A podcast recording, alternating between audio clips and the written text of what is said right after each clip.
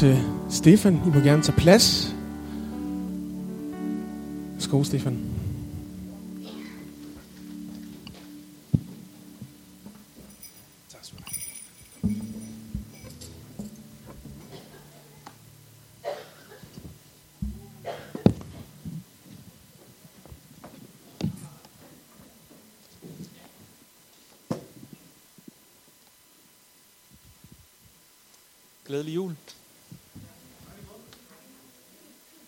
Jeg hedder Stefan, og øh, det er der mange af jer, der ved, og alligevel så føler jeg lige, at jeg bør sådan lige introducere mig selv lidt. Der er jo sket en, en del siden Jakob trådte til her for hvad, en halvanden års tid, cirka.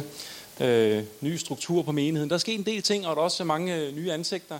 Så øh, lad mig lige sige et par ord om mig selv, inden øh, jeg deler Guds ord med jer. Jeg vil tilknyttet den her menighed i, i mange år, siden øh, siden krigen, var jeg lige ved at sige. Lige siden jeg var, siden jeg var en, en, en stor dreng i hvert fald. Og øh, i min hverdag, der arbejder jeg som optiker.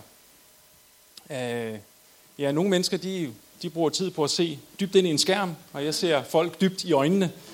Og, øh, og nogle gange, når jeg, når jeg taler med folk omkring deres syn, eller vi tager sådan nogle nethenbilleder også, sådan rent sundhedsmæssigt, hvor jeg viser folk de her, det her storslåede skaberværk af deres øjne, så reagerer de ved at sige, Gud, siger de så. Jeg kommer og siger, nej, jeg, jeg hedder bare Stefan. Så, og øh, ja, øhm, jeg er gift med Trine, som mange af jer kender.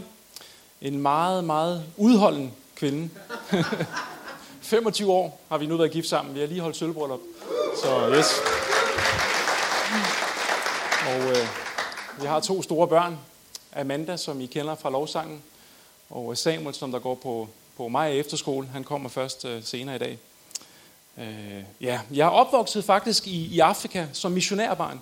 Min farmor og farfar var missionærer i Afrika i over 40 år. Min egen mor og far var også missionærer i Afrika, øh, i Zambia, og øh, der havde jeg min barndom. Øh, så jeg har hele vejen igennem haft en tro i kraft af min opdragelse, i kraft af min opvækst. Jeg har været øjenvidne til mange af de ting, som Gud han har gjort til den øh, livs, det livsforvandlende værk, han har gjort i andre mennesker. Det har gjort meget stærkt indtryk på mig, så jeg har hele vejen igennem haft en meget stærk tro på Guds eksistens, på, på hvem han er, hvad han kan, øh, og hvad han betyder. Men det har aldrig nogensinde været en levende tro for mig. Det har bare været en, en tro, ligesom, som, som mange, ligesom en kulturkristen tror, ved godt, at Gud er der, men det er ikke noget levende. Der er ikke sket en, en, en forvandling i mit, der var ikke sket en forvandling i mit hjerte. Jeg var ikke, som Bibelen siger det, født på ny. Jeg havde ikke Guds ånd i mig. Øh, og, øh, og sådan var hele min tilværelse. Jeg var på en måde sådan en, en iagtager, uden den her indre forvandling i mig, uden Guds nærhed i mig, uden et kendskab til ham som med et personligt forhold. Øhm, ja, og øh, som 16-årig, der kom jeg så hjem på efterskole, på Kildevæld Efterskole i, i Kolding, hvor det, øh, jeg mødte ja, mange mennesker, men blandt andet Jakob Viftrup, så vi lavede rigtig meget ballade sammen. Og der var blandt andet den der gang sammen med Nikolaj Dupont, hvor det... Øh, ej, nej, okay. og, øhm, og så mødte jeg, nu skal vi jo, om ikke så længe, der skal vi høre om engle, men en rødhåret engel. Hvis I fortsætter, der mødte jeg, mødte jeg min kone Trine. Jeg giftede mig med hende. Og øh, ja, men, men hele vejen igennem, hele vejen igennem, op igennem min opvækst og min ungdom efter efterskolen, og vi, vi blev gift, og årene gik, og vi fik, vi fik Amanda, øh, og jeg var, jeg var gudløs. Øh, jeg havde en tro, men der var ikke, en, der var ikke et gudsforhold i mit liv. Evangeliet var blevet sået i mig. Øh, sandheden kendte jeg, og derfor voksede der så gradvist sådan en indre frustration i mig. Fordi at jeg vidste, hvad sandheden var. Jeg vidste, hvem Gud var. Jeg kendte ham bare ikke. Jeg havde ikke fred med Gud. Og den her vidsthed omkring min egen søn, og en erkendelse af, at jeg ikke havde fred med Gud, den blev som en stor byrde og tyngde på mig. Og da jeg var langt op i 20'erne, der kapitulerede jeg til sidst. og råbte ud til Gud og sagde, Herre, jeg ved ikke, hvem du er. Jeg, jeg kender dig ikke. Du må gribe ind. Og han var trofast. Lige med det samme var han trofast. Og øh, jeg skal ikke sige, at jeg har været Guds bedste barn lige siden. Men øh, det er helt sikkert, at han påbegyndte et værk i mig den dag, dengang. Og øh, det har han lovet, siger Guds ord, det har han lovet, at han vil fuldføre. Ja, og det vil han gøre for hvem som helst her til stede. Hvis I rækker ud efter Gud, så han trofaste griber ind og, øh, og påbegynder et værk, som han fuldfører. Ja. Så vi skal vende os til Guds ord. Vi skal høre om det en helt klassisk øh, julefortælling fra, fra Lukas evangeliet fra kapitel 2. Og øh, først skal jeg lige fortælle om en, om en anden juleaften. Øh, det var i 1818 i en, en lille tyrolerby øh, uden, for, uden for Salzburg, en by, der hedder Oben, Obendorf i Østrig. Og øh, præsten der, Josef, Josef Mor, M-O-H-R, han var ved at gøre klar til, til gudstjenesten. Og så opdagede han, at året det var gået i stykker. Og det ødelagde fuldstændig hans, hans musikplaner. Og, øh, og så måtte han så i hast nedskrive en sang, som der, som der havde en nem melodi. Den, den skulle være nem at synge med på uden ovl. Og det skulle være en nem og sådan en melodisk øh, øh, tekst også. Og så forfattede han sangen, øh, den, den sang vi kender på dansk som Glade Jul. Ikke også? Altså Silent, Silent Night. Stille nagt. Nu har jeg ikke haft tysk i skolen, men jeg gik i skole i Afrika. Stille nagt, tror jeg, man siger. Øh, ja, den forfattede han den aften der. Og øh, måske var det en, en stille nat i, i Salzburg i Obendorf den nat, men, øh, men det var det bestemt ikke den nat, da Jesus blev født. Det var ikke en stille nat. Og det skal vi lige læse om nu. Lasse, det kan være, at teksten kunne komme op her. Det var ikke en stille nat, den nat Jesus blev født. Lad mig læse det for jer. Det er sådan i kølvandet på, på den klassiske fortælling der, hvor at kejser Augustus han har, han har øh, udstedt eller befalet denne folketælling, og Josef og Maria de har måttet drage til, til Bethlehem, og øh, i Bethlehem bliver Jesus så født, og så står der så her, i kølvandet på det, der står der, i den samme egen var der hyrder, som lå ude på marken og holdt nattevagt over deres jord. Der stod Herrens engel for dem, og Herrens herlighed strålede om dem, og de blev grebet af stor frygt. Frygt ikke, sagde englen. Men englen sagde til dem, frygt ikke. Se, jeg forkynder jer en stor glæde, som skal være for hele folket. I dag er der født jer en frelser i Davids by. Han er Kristus, Herren. Og det der er tegnet, I får, I skal finde et barn, som er svøbt og ligger i en krybe. Og med et var der sammen med englen en himmelsk herskar, som lovpriste Gud og sang, ære være Gud i det højeste og på jorden. Fred til mennesker med Guds velbehag. En storslået beretning. Man kan ikke bare lige sådan læse fløjten igennem det her. Altså, man er nødt til lige at stands op og betragte, hvad der, er, der foregår her. Den her nat var uden sammenligning den allerstørste begivenhed i verdenshistorien. Selv vores, vores tidsregning, vores kalender er dateret ud fra den dag, den nat, da Jesus han blev født. Og barnet, der blev født, var ikke hvem som helst. Han var jo den længe ventede Messias, den længe ventede verdens frelser. Ham, som der vil komme og betale. Ham, som der vil komme og zone for vores søn.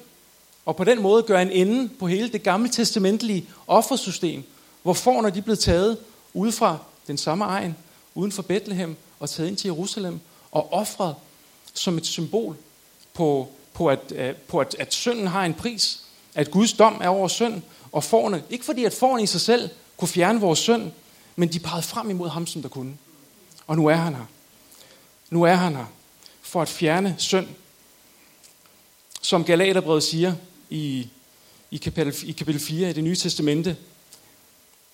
Men da tidens fylde kom, sendte Gud sin søn, født af en kvinde, Født under loven. Han forpligtede sig til at overholde loven, og han overholdt den. Han var syndfri.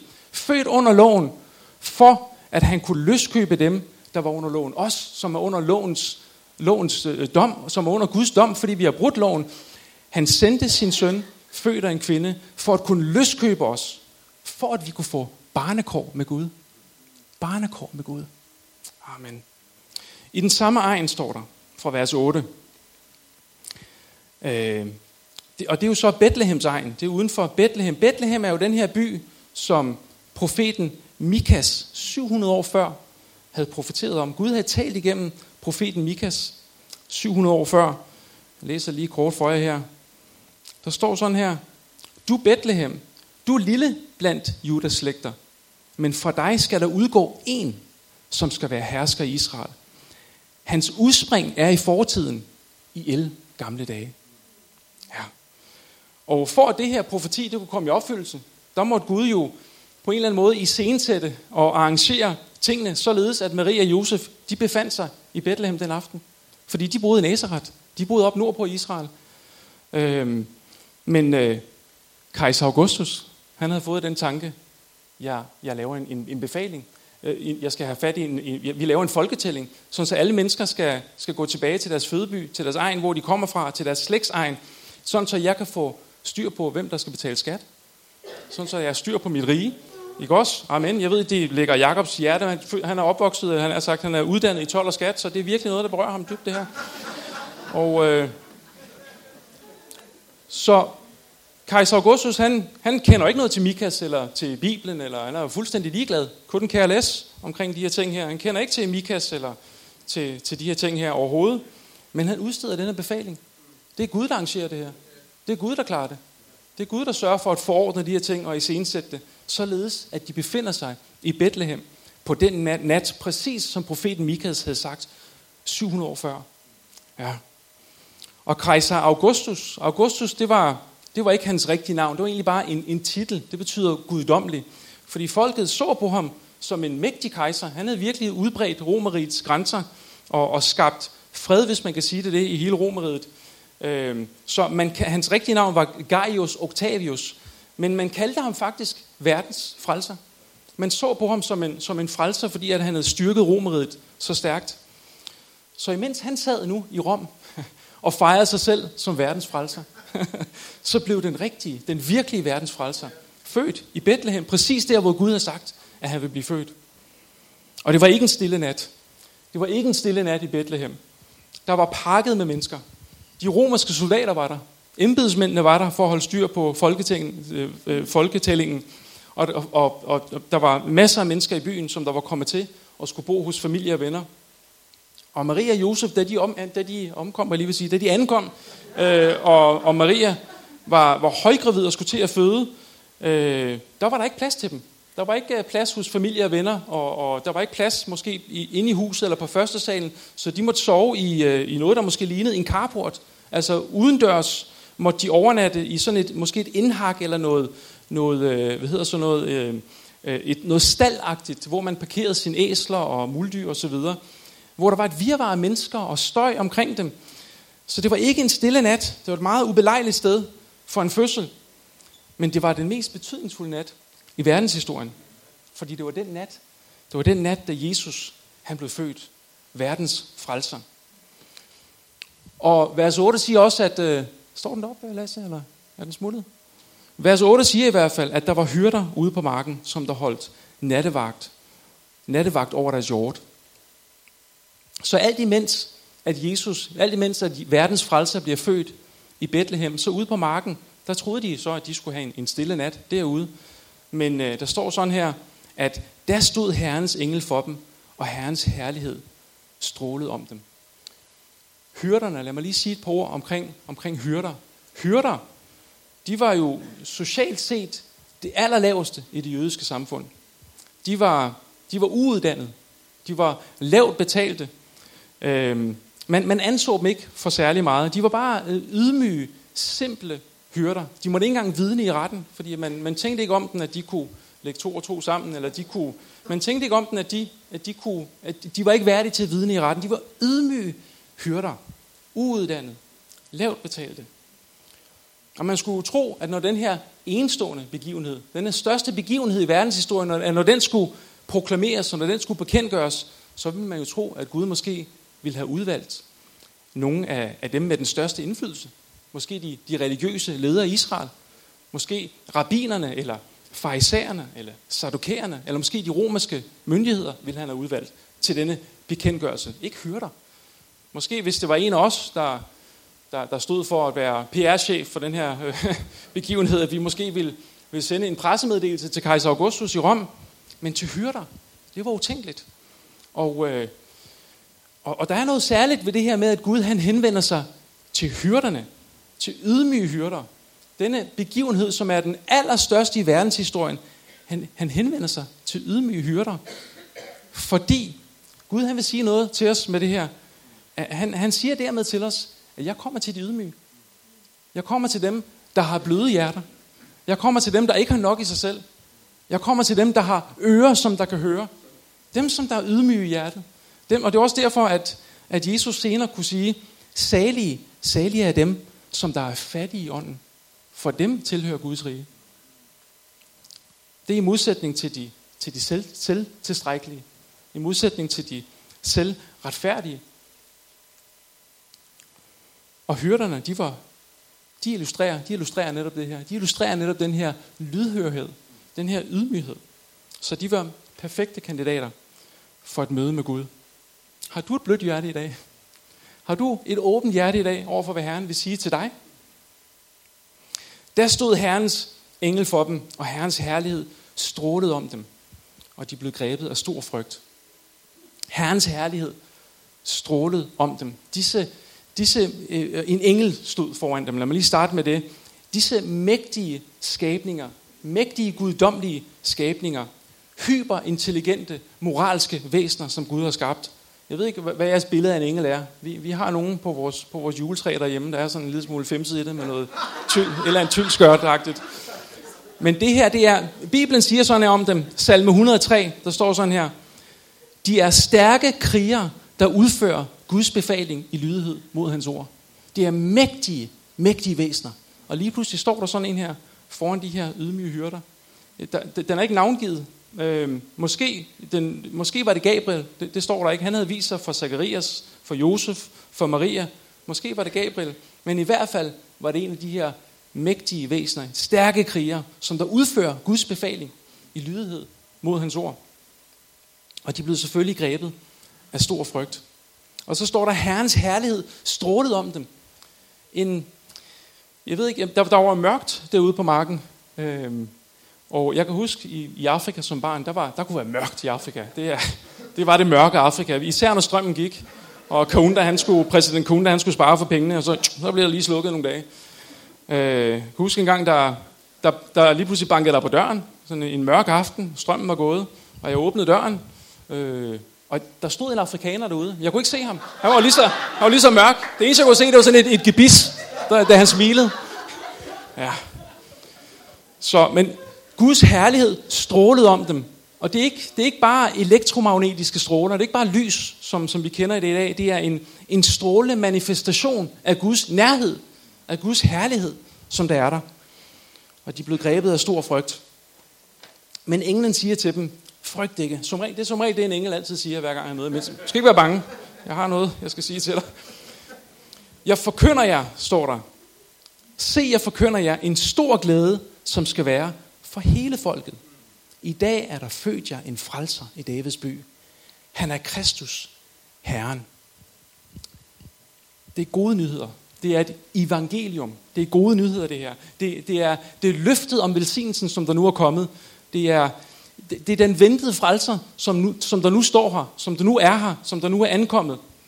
Det her, det her løfte om velsignelse, det har jeg, det har jeg prøvet i mit, i mit arbejde med børnekirken, ligesom at, at implementere den her forståelse af Guds, af Guds løfte om en frelser, at implementere det i børnene.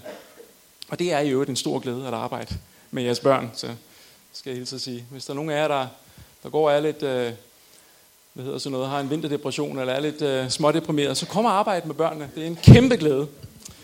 Øh, og jeg prøver at implementere den her forståelse af, at løftet om en frelser, det er ikke noget, som Gud lige pludselig finder på. Det er noget, der har været planlagt siden tidernes morgen siden før verden blev øh, grundfæstet, siden før verdens grundvold, grundvold blev lagt, havde Gud planlagt, at han ville sende en messias og en frelser. Allerede i Edens have, der hører vi, da, da, da mennesket havde, havde, havde vendt sig for Gud, da de havde trodset hans ord, og da de havde lavet øh, synden besmitte dem, øh, og slangen er der, djævlen er der, som der har fristet dem til synd, og Gud, han proklamerer. For første gang bliver evangeliet prædiket af Gud selv, til Adam og Eva, over for slangen. Ud fra dig, Eva, skal der komme et afkom. Ud fra kvinden står der. Ud fra kvinden skal der komme et afkom, der skal knuse slangens hoved. Og senere hen hører vi, hvordan det er, han, han, han udvælger en mand, Abraham, og han siger til Abraham, igennem dig, Abraham, skal alle slægter velsignes. Igen er der fokus på det her afkom. Den her, den her ene, den her person. Og nu er han her. Se, jeg forkynder jer en stor nyhed. Og det er til alle folkeslag. Det er til alle jordens slægter. Igennem dig skal alle jordens slægter velsignes. I dag er der født jer en frelser. Det er sådan set, det er sådan set englens, kernen i englens budskab på denne ikke stille nat, løftet fra tidernes morgen. I dag er der født jer en frelser i Davids by. Jesus kom for at frelse. Jesus kom for at frelse dig. Men fra hvad? Hvad skal jeg frelses fra? Det er meget enkelt. Det kan være svært at erkende, men det er meget enkelt. Jesus kom for at frelse, for at frelse dig, og for at frelse mig fra vores synd, og fra konsekvenserne af synd, som er Guds dom. Jeg siger det lige igen. Jesus kom for at frelse dig fra din synd, og for konsekvenserne af din synd, som er Guds dom. Gud er nemlig en god Gud. En god Gud. Og fordi han er en god Gud, netop fordi han er en god Gud, så er han vred på synd. Det skal han være. Det er en del af hans natur. Det er en del af hans hellige natur, at harmes over synd. Salme 7 siger det sådan her, at Gud er en retfærdig dommer, der harmes over synd hver eneste dag. Og vores synd er en kæmpe fornærmelse over for Gud. Vi kan retfærdiggøre os selv, vores, vores synd, og vi kan retfærdiggøre os selv og tænke, det er der ikke så meget.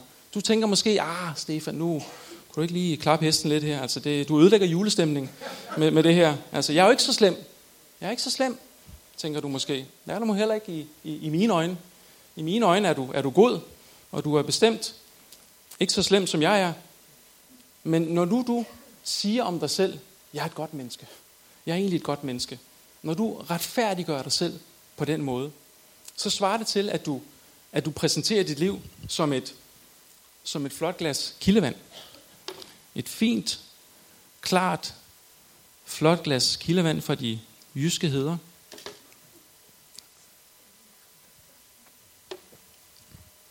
Når du præsenterer dit liv på den måde, som et flot glas kildevand, og siger, det her det er mit liv, der er kun, der er kun én, der er lige taget med en pipette, en lille bitte dråbe, ned fra kloakken, der indeholder ting, jeg ikke vil sætte ord på. Og man kan ikke se det. Det rører godt rundt. Man kan heller ikke smage det. Det er et dejligt, fint glas kilde. Det er mit liv. Det er mit mere eller mindre syndige liv. Så skal du bare være opmærksom på, at hele glasset er kontamineret. Hele glasset er kontamineret på grund af den, måske kun ene dråbe, eller de her få dråber, der er kommet i, som man ikke kan se. Og på samme måde er du også kontamineret i din grundvold af synd. Det kan godt være, at du har en, en, en god facade. Det er godt. Det er godt med en god facade. Det er godt med noget, at have noget, have noget opdragelse, have noget pli. Det er godt at, at gøre godt. Det manglede bare. Det manglede bare, at vi gør godt. Det er det mindste, vi kan gøre. Men Gud, Gud ser dit hjerte. Gud ved godt, hvem du er, om bag ved alle de her ting her. Gud kender dig. Og Gud harmes over synd hver eneste dag.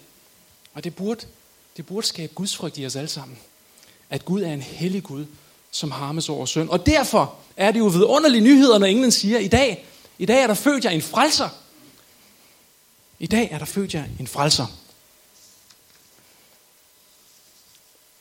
Og ikke nok med det. For hvem er denne frelser? I dag er der født jer en frelser i Davids by. Han er Kristus, Herren. Det er hvem han er. Han er Kristus, Herren. Det er vigtigt at forstå, hvem han er. Kristus, Kristus, hans rigtige navn, Kristus er bare en titel. Hans rigtige navn, det er Jesus. Det er jo det navn, der er blevet ham givet. Jesus betyder i øvrigt øh, Gud frelser. Kommer af det gamle hebraiske navn øh, Josva, Yeshua, Jesus, Jesus. Det betyder bare, Gud er frelseren, eller Gud frelser. Så, men, men Kristus, det var den titel, han havde fået. På, på hebraisk, så betyder det, der siger man Messias. Og, og det betyder den salvede, den udvalgte. Men han er mere end det. Han er Herren. Ingen siger, han er, han er Herren. I det gamle testamente, der er Guds navn, det bliver angivet som, som Yahweh, hvor vi har det engelske øh, ord Jehova. Yahweh, det, det er på dansk, så, så kunne man sige, jeg er. Da Moses, da Moses mødte Gud ved den brændende tornebusk, og han sagde til Gud, øh, du sender mig til Faro, hvem skal jeg sige har sendt mig? Hvad, hvad er dit navn? Hvad hedder du? Der sagde Gud, Yahweh, jeg er. Sig, jeg er har sendt. Jeg har ikke et navn som jer andre. Jeg er ikke et menneske som jer, der har et eller andet navn. Søn af Tom, Tom søn, søn af Jens. Jeg er ikke, jeg er, Sig, jeg er har sendt dig. Da det gamle testamente, det så blev, det er ikke for at være super teknisk, men I skal lige forstå det her, da det gamle testamente, det så blev oversat til græsk, der brugte man ordet, jeg ved ikke, hvordan man udtaler det, jeg håber det er rigtigt, kurios, eller kurios, kurios, øh, som er det, det græske navn for Gud. Det er den græske ekvivalens, kan man sige, af, af, af Yahweh, af jeg er. Og når englen, når englen siger, han er Herren, der bruges ordet kurios. Det vil sige, at englen siger faktisk, han er Gud. Han er Gud. Det er Gud, der ligger i krybben. Gud er kommet i dag. Den salvede, Messiasen, Kristusen, ham der hedder Jesus, han er Herren. Han er Gud. Er det også din forståelse af, hvem Jesus er? At han er Gud? Eller er han for dig bare noget, der måske giver en, en god følelse, når livet gør ondt? Er han for dig bare barnet i krybben? En, en anden baby fra Gud, der, der ligesom voksede op og viste os, hvordan vi skulle være søde over for hinanden? Og så lod han sig korsfeste for på en eller anden måde at vise, at Gud også øh, sympatiserer med vores smerte. Er det det, han er for dig? Er det din forståelse af, hvem Jesus er? En god mand, som Gud brugte til at vise os noget om næstekærlighed. Han er langt mere end det. Han er Herren. Han er Kristus. Han er Herren. I øvrigt er, er den her bekendelse, at Jesus er Herre, det er den mest fundamentale i hele den kristne tro. Romerbrevet kapitel 10 i det nye testamente, der er der brev, der hedder Romerbrevet. Og i det 10. kapitel i vers 9, der står der, at hvis du med, med din mund bekender, at Jesus Kristus er Herre, så skal du frelses. Det er den bekendelse, der frelser. Det er den forståelse af, hvem Jesus er, som der frelser dig. Er det din bekendelse?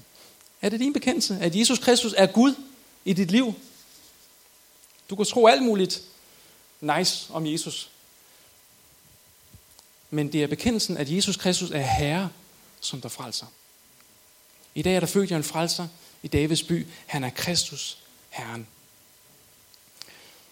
Vers 13 og 14 skal vi lige have med, inden jeg slutter af her. Der står sådan her, og med et, pludseligt, det var ikke en stille nat det her, med et, lige pludselig var der en, en hær af engle. Og med et var der sammen med englen en himmelsk herskar, som lovpriste Gud og sang, ære være Gud i det højeste og på jorden. Ære være Gud både i himlen, men også på jorden. Og fred til mennesker med Guds velbehag. Den nye oversættelse, Bibelen på hverdagsdansk, siger det sådan her. Og fred på jorden til dem, der gør Guds vilje. Fred på jorden.